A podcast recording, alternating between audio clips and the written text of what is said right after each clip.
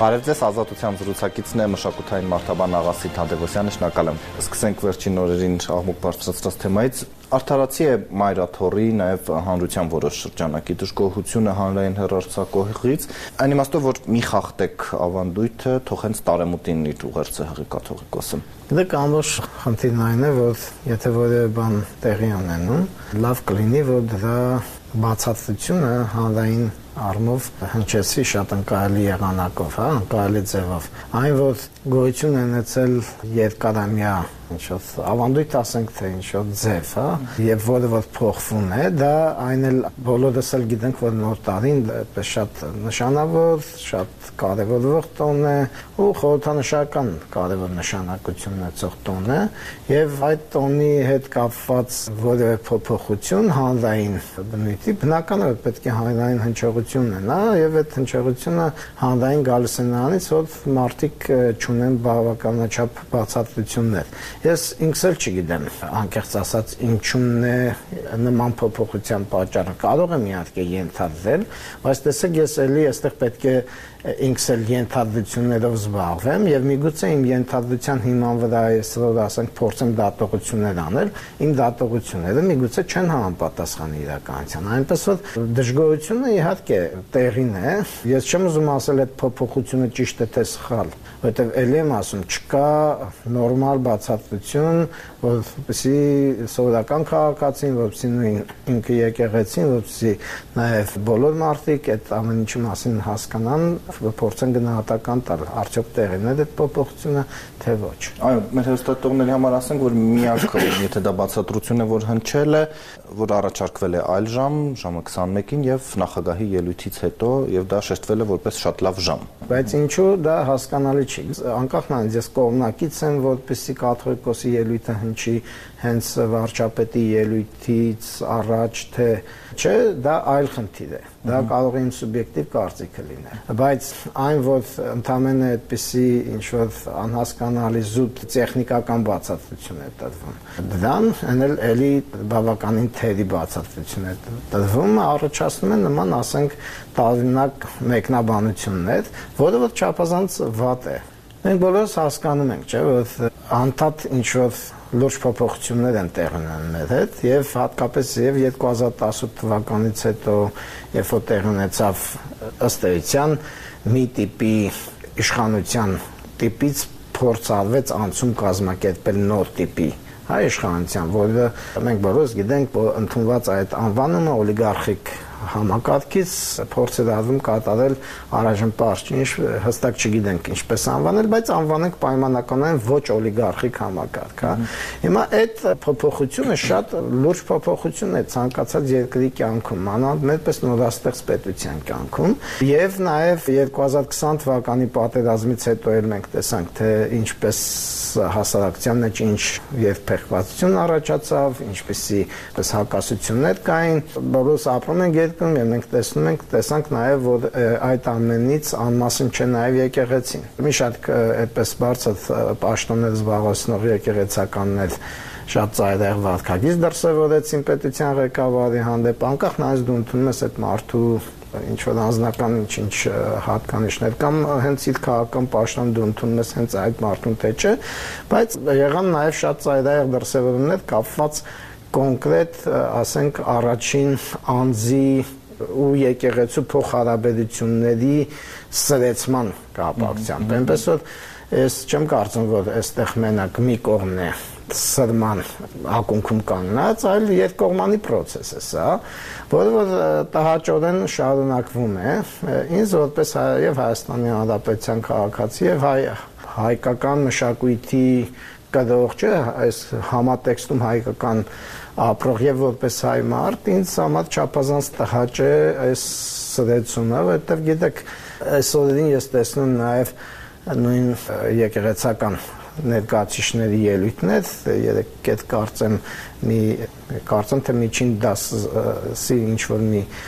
հոգեվորական էր որը չափազանց տհաճեր էլի արտահայտվում երկրի ղեկավարի հասցեին, ասենք ինչ որ անվաններ քաժնազատ, թե ինչ այսպեսի ինչ որ անվաններ, հասկանում եք, այս ամեն ինչը փչացնում է մեր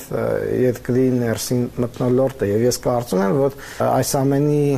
հիմքում ընկած է այն, որ եւ մեր եկեղեցին խնդիր ունի խորքային առումով վերաիմաստավորել իր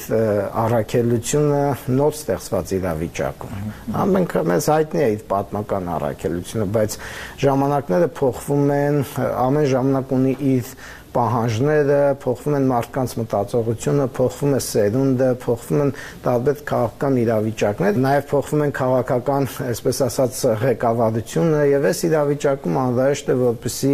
ձևավորվեն այնպիսի կայուն հարաբերությունների մոդելներ, որոնք որ չեն կարող բերել նման, ասենք, տհաճ հարաբերությունների, այլ կպահպանեն եկեղեցի եւ պետություն փոխհարաբերությունները փոխադարձ հարգանքի եւ պատշաճ, այսպես ասած, դիստանցավորման նաև մակարդակում, որտեվ հասկանալի է, որ եւ եկեղեցին եւ պետությունը ունեն որոշակի դիստանցավորվածություն, ամեն մեկը իր գործն է կատարում։ Եկեղեցու գործը դա կրոնական ոլորտն է, պետության գործը դա քաղաքական ոլորտն է։ Եվ բախումները առաջանում են այն դեպքերում, երբ որ մեկը մյուսի դիրքն է մտնում։ Մեզանում եկեղեցին մի փոքր նաև ունի որոշ պատմականորեն նաև եկեղեցին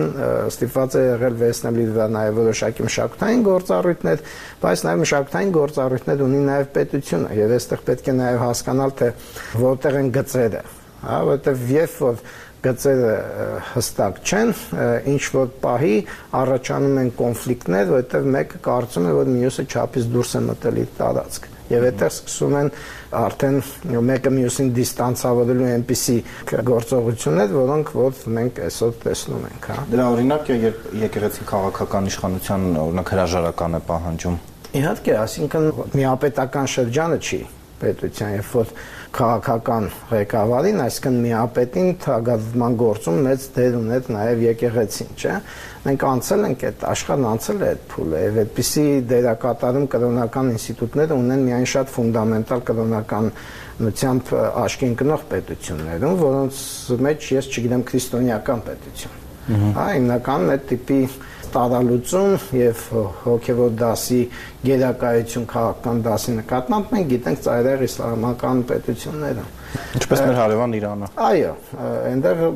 հասկանալի է այնտեղ առանց հոգեվոր խորհրդի հաստատման որևէ քաղաքական որոշում լեգիտիմուս չի ստանում բայց մեզանն այդպես չի եւ չի կարող լինել որովհետեւ քրիստոնյա մշակույթը էականորեն տարբերվում է իսլամական մշակույթից եւ նաեւ պատմականորեն արդեն քրիստոնեական աշխարհը քաղաքական ինստիտուտների եւ հոգեվոր կրոնական ինստիտուտների միջև որոշակի փոխհարաբերությունների արդեն մեխանիզմներ է ձևավորել եւ մենք պետք է եթե մաս ենք կազմում այդ աշխարհին եւ ժամանակակից դեմոկրատական երկրների ինչ որ առումով եւ նաեւ ժամանակակից քրիստոնյա աշխարհի, ապա եթե ճունենք սեփական փորձառությունը ձևավորած, ապա գոնե պետք է աշխարհում արդեն արկա փորձառությունները փորձենք ուսումնասիրել եւ եկեղեցին ուսումնասիրել եւ քաղաքական ինստիտուտները եւ փորձեն իրար հետ յետխոսության մեջ մտնել թե չէ այսպես անդադ իրար քարկոծելով ինչ որ միջին կարգի սարկավակ երկրի վարչապետին քաժնազատ կամ չգիտես ինչ անվանելով նույն քաղաքական գործիչները հոգեվոր դասի ներկայացուցիչներին ինչ որ ծաղրելով այսպես մենք պետք է ասնենք մեր կյանքից ոչ առաքելական եկեղեցին է վերանալու, ոչ էլ մեր պետությունը։ Երկուսի հետ մենք պետք է ապրանք եւ մենք պետք է հասկանանք, թե ինչպես են այս երկու կարևորագույն ինստիտուտները իրար հետ փոխհարաբերվում եւ գոնե հանրային տարածքներում պատշաճ ձևով գոնե արտահայտվում մեկը մյուսի հասցեին։ Անցնելով այլ թեմաների, դուք ինչ որ ենթատեքստ տեսաք, երբ ռուս բլոգերը, ընդ որում տեսանելի է ռոպագանդիստական նկարտումները, որտեղ նա նախկինում դրանով զբաղվել է, բողոքում է, որ հնդիկներն էին ամանորի գիշերը հրաապարակի տերը։ Իհարկե, ճամբոշ զավեշտ էս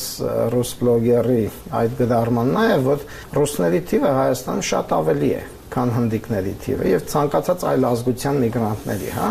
Եվ ռուս փախստականները, ովքեր որ իրենց երկրից փախան պատերազմի ժամանակ, այստեղ փորձում են նաև հետաքրքիր տերմինաբանական խաղեր անել, իրենք անվանում են իրենց ռելոկանտներ, բայց դա ռելոկանտը դա են մարդները, որ իր երկրի մի տարածքից տեղափոխվում են մյուս տարածք։ Եվ այդ ռուս բլոգերը լավ կլիներ այդ տերմիններին ցնախ սկսել, որովհետև արդեն իսկ ռելոկանտ անվանելը դա նշանակում է, որ դու անկախ պետություն դիտարկում է սենց որ քո տարածք, հա։ Երկրորդ ես այդ գիշերը ես ազգագրագետ մշակութային մարդաբան եմ եւ ես միշտ դիտարկումներ եմ անում ամեն նոր տարի եւ ես այդ իմ սովետյան համաձայն 12-ից դուրս եկա Երևանի փողոցներ, որովհետեւ անեմ իմ տրադիցիոն, այսպես ասած, մասնագիտական դիտարկում է։ Եվ ես տեսել եմ հնդիկներին փողոցում ուրախացող, չափից դուրս շատ էին յալտի կենտրոն, եւ ես տեսել եմ նաեւ ռուսներին որտեղ էին։ Այստեղ գիտեք խնդիրը ինչու՞մն է։ Խնդիրը այն չէ, որ ռուսները քիչ էին, ուղղակի ռուսները հարուստ են, Եվ իրենք այսպես հավաքված էին շատ թանկարժեք ռեստորանների մուտքերի մոտ, հա։ Մի մասը դրսում ծխում էր արդեն այդ իրենց քեֆից թեժացած, մի մասը ներսում ապարում էր, եւ ասենք ինչով է տարբերվում ռեստորանի ներսում խմած հատված ու պարող չասենք հատված, բայց խմած, որը որ նորմալ է այդ գիշեր բոլորն էլ խմում են, օգտագործում են ալկոհոլ, որովհետև տոն է, հա։ Ինչով են տարբերվում այդ ռուս բլոգերի համար իր հայրենակիցները, ովքեր որ ասենք ռեստորանի ներսում են այդ նույն հələ ավելի, ասենք, այսպես ասած, հա, էմոցիոնալ պարում, գոռում, եւ մի քանի այսպես փոքր խմբերով, նո շատ հնդիկներ, բայց առանձին, առանձին մենակ մի քանի խմբեր էին իրենց թույլ տալիս, ինչու՞ բարել, երկել, որը որ էլի բնական է։ Ասենք ինչ արտարոց բան ենք մենք տեսնում։ Եթե մարդկանց մենք ընդունում ենք, որ իրենք եկել են մեր երկիր, որոշակի աշխատանքներով են զբաղվում, որով որ իդեպ տեղացիները չեն էլ բարեհաճում այդ աշխատանքով զբաղվել, որովհետև իրենց պատվի ցածր են համարում։ Ասենք օրինակ շատ տղաներ հավաքահարությամբ են զբաղված։ Հա ես տեսել եմ տարբեր ռեստորաններում, խանութներում բեռնակրությամբ են զբաղված տղաները։ Այո, այսինքն դա անում են ֆիզիկական ծանր աշխատանք եւ իրենց ընտանիքների հոգն են տանում, որովհետեւ մեր գոնե ժողովուրդը այդպես բաներ գիտի, ասենք, եւ իրենցից շատերի բարեկամները նույն ձև գնում են դրսի երկրներ, այդ թվում նաեւ Ռուսաստան։ Հիմա այստեղ Ամբողջ խնդիրը նրանում է, որ իհարկե մենք գործ ունենք ռոպագանդիստական կեղտոտ մի արարքի հետ, որտեղ որ ոչ հայաստանցի եւ ոչ ազգությամբ հայ ինչ որ մի բլոգեր փորձում է ազգային մտցնել անհանդուրժողականություն հայերի մեջ հնդիկների հանդեպ։ Եվ դա անում է իբր թե հայերի դարդուցավով տապակվելու սոուսի մեջ, հա։ Սա շատ ոչ միայն տխուր նախադեպ է, այլ նաեւ նաեւ շատ վտանգավոր մի բան է։ Այս տիպի գդարումներ անողներով, որտեղ այդտեղ կա ազգային ռասայական խտրականության հրահրում եւ խտրական խոսք, թաքնված ատելության խոսք նույնիսկ եւ կարծում եմ, որ այդ խնդիրներով պետք է զբաղվեն պատկան մարմինները եւ նման բլոգերներին, ռուս թե, չգիտեմ, ցանկացած ազգության կամ հայ պետք է հրավիրվեն իրավապահ մարմիններ եւ բացատրություն պահանջեն որովհետեւ այսպես եթե մենք թույլ տանք անտեսենք նման նախադեպերը դրանք կարող են ինչ-որ մի պահի շատ ավելի սուտ ձևով արտահայտվել եւ շատ ավելի փչացնել մեր ներքին հանրային կյանքը եւ մտնոլորտը։ Իսկ աշխատում են այդ փորձերը, պարոն Թոթևոսյան։ Ես հատուկենտ բայց լսել եմ, որ զգուշ լինենք, վաղը չգան հնդիկները ինքնավարություն ուզեն այստեղ եւ այլն։ Դրանք որոշակի մարդկանց վրա նման խոսակցությունները ազդում են եւ պատահական չի, որ նման ռուս բլոգերներ կամ ասենք մարդիկ, ովքեր որ այդքան էլ հասկանալի չէ թե ում համար են իրենք աշխատում ըստ էության, հա, եւ ում ջրաղացին են ջուր լցնում, իհարկե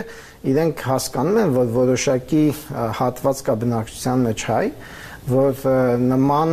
բաներին կարող են նաև տոն տալ կարող են իրենք նույնպես միամիտ մարդիկ կան կան ոչ միայն միամիտ այլ նաև մեր մեջ էլ կան անհանդուրժող ինչ որ որոշակի շերտեր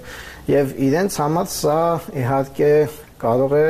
նպաստել, որ խորանա այս տիպի մտնոլորտը։ Ես իհարկե փաստեր չունեմ, բայց ես լսել եմ նաև այդպես վերլուծական Ենթադրություններ, որ սա կարող է նաև Հայաստանի եւ Հնդկաստանի միջև ռազմական համագործակցության խորացող հարաբերությունների ֆոնին արված պրովոկացիոն նաև հայտա գործողություն լինել, որպեսի որոշակի խոչընդոտներ առաջացնեն Հայաստան եւ Հնդկաստանի այս հարաբերությունների ջերմացման հարցում, ինչ կարծում եմ, որ իհարկե դա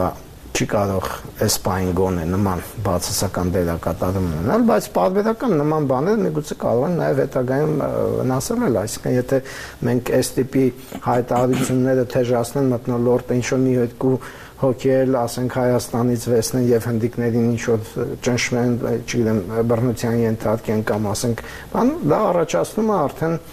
շատ վատ վիճակ։ Ես կրկին շնորհակալ եմ, որ արձագանքեցիք մեր հրավերին ազատությունում էր մշակութային մարդաբան Աղասի Թադևոսյանը։